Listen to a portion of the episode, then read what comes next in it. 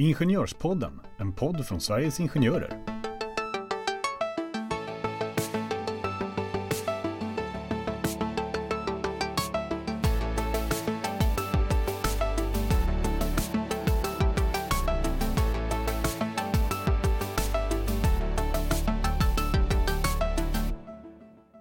Hej och välkomna till ett rykande färskt avsnitt av Ingenjörspodden. Idag så gästas Ingenjörspodden av ingen mindre än vår egna förbundssekreterare och chef för demokratifrågor. Man kan säga att hon är nummer två här på förbundet efter vår förbundsdirektör. Vad gör egentligen en förbundssekreterare och vilka är förbundets demokratifrågor och varför är ingenjörsvalet något vi kommer prata mer om idag? Jag känner mig själv väldigt nyfiken så nu kör vi igång.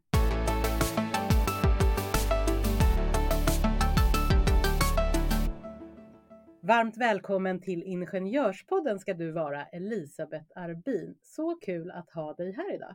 Tack så mycket Jenny, tack för att jag får vara här. Ja, hur känns det att sitta här i vår faktiskt poddstudio första gången på två år som vi sitter här i studion och inte hemma och spelar in? Ja, men det är ju jättehärligt. Kul mm. att ses.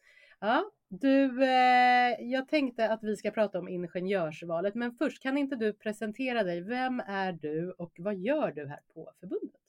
Jag heter Elisabeth. Jag har jobbat på förbundet ganska länge. Jag har bland annat varit ombudsman tidigare och då jobbade ju du och jag ihop på industrienheten. Ja, men det gjorde vi. Ja. att, eh, vägg i vägg höll jag på att säga, fast det var ett öppet landskap. Så eh, rygg i rygg. Rygg i rygg.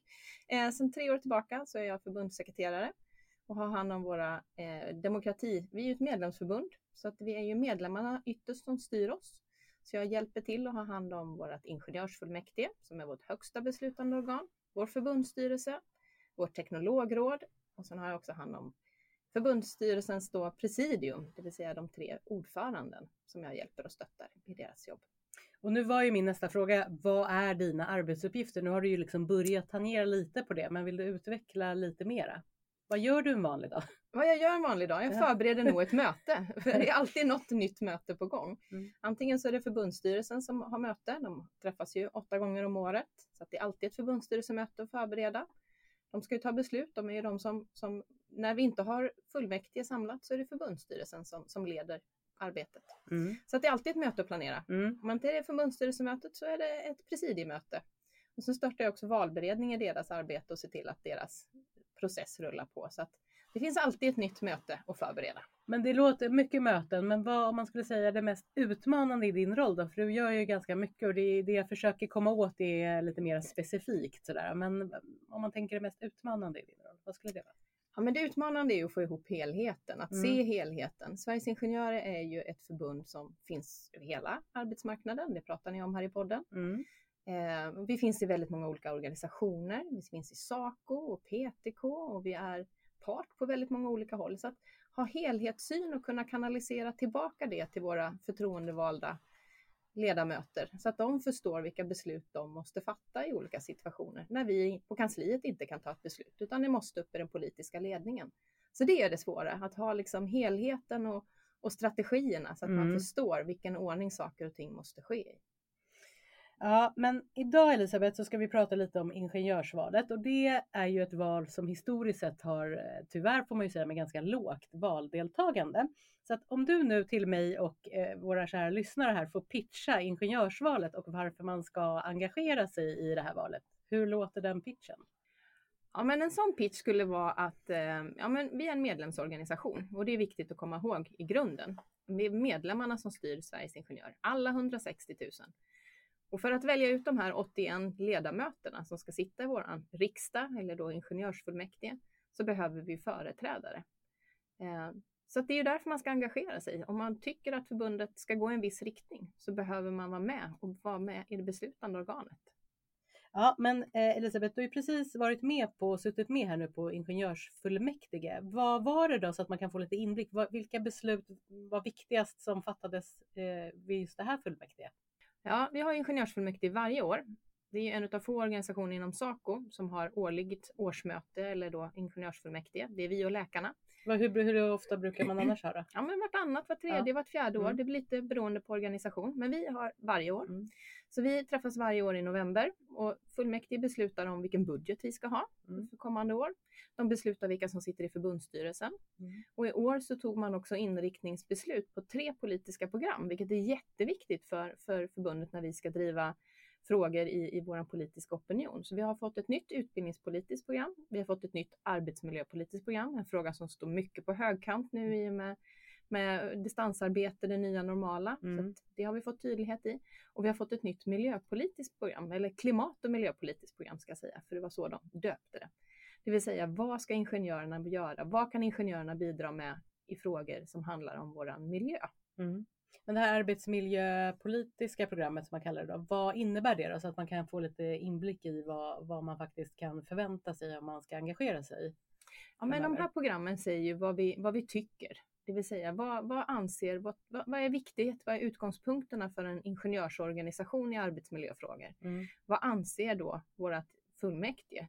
Det, det, är, bara, det är vår politik. Mm.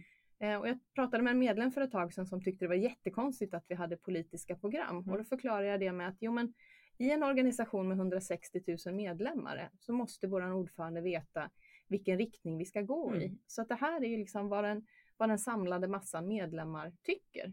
För vårt fullmäktige ytterst är ju då de som representerar våra 160 000 medlemmar.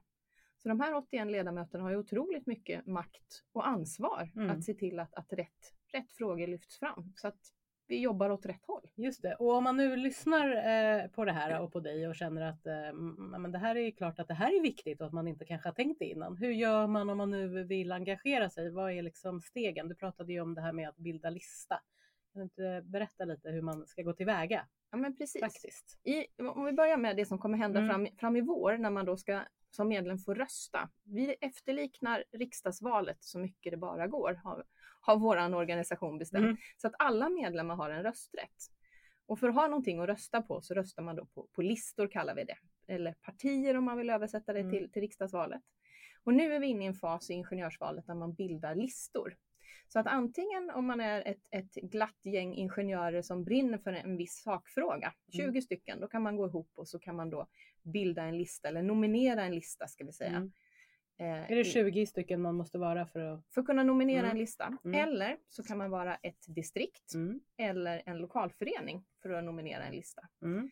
Och i den här fasen så nominerar man listor och efter nyår nu så kommer vi vara ännu tydligare på att öppna upp så att man kan kandidera på de här listorna också. Så att Även om man inte i nuläget har en egen lista så kan man efter nyår titta att ja, men här finns en lista som jag skulle kunna hjälpa till att stötta och driva. Mm. Så, så att, eh, I nuläget så handlar det om att bilda listor, få in kandidater och då har vi fram till den 15 februari på oss att se till att få in listor och kandidater. Och sen genomförs valet fram i slutet av mars och april. Och hur eh, rent praktiskt, finns all den här informationen på vår hemsida? Såklart det gör. Och under, då får du säga lite vart det finns någonstans. Ja, mm. om man går in och söker på ingenjörsvalet mm. så kommer mm. man till en sida där det då både visar på processen och massa frågor. FAQ såklart finns mm. där också. Och där finns också det formulär man måste fylla i för att få bilda en lista. Förstår. Men du, vi kommer ju faktiskt ha dela upp den här mm, podden i två avsnitt. Så nu är vi här och pratar bilda listor och sen tänker jag att vi ska bjuda in dig när det börjar närma sig i mars. För då börjar det bli dags för att rösta. Så då kommer vi kanske få ännu lite mer information. Men har du något mer att tillägga? Något sista budskap eller någonting som du vill lägga till? Jag ställer alltid den här frågan till alla som är eh, gäster här i podden och eh, svaret brukar vara ja, men eh, vi får se. Ja, men det kan jag väl lägga till. Nej, men om du är intresserad av att, att uh, vara engagerad i förbundet så är fullmäktige en otroligt rolig ett otroligt roligt eh, nivå att vara mm, på. En plattform. Mm. En otroligt intressant plattform. Mm. Eh, det som är bra är om man har lite insikt i förbundet vad man gör eh, eftersom man rör sig på, på en nivå där man beslutar om, om vilka som företräder förbundet i förbundsstyrelsen, man beslutar om politisk riktning och om budget. Så att man har en, en, en kännedom om mm. förbundet är väl en bra start. Mm. Spännande, men jag tror att vi eh, sätter punkt där och tackar så hemskt mycket för att du kom och informerade oss om ingenjörsfullmäktige och vi kommer som sagt få tillfälle att prata med dig lite mer här i vår. Och eh, för er som lyssnar så var det här sista avsnittet innan jul faktiskt. Så att jag får passa på att önska er en god jul, ett gott nytt år och att ni tar hand om varandra och att vi hoppas att nästa år blir ett pandemifritt år. Så att eh, tack för oss och för det här året så får vi säga hej då så länge. Hej hej!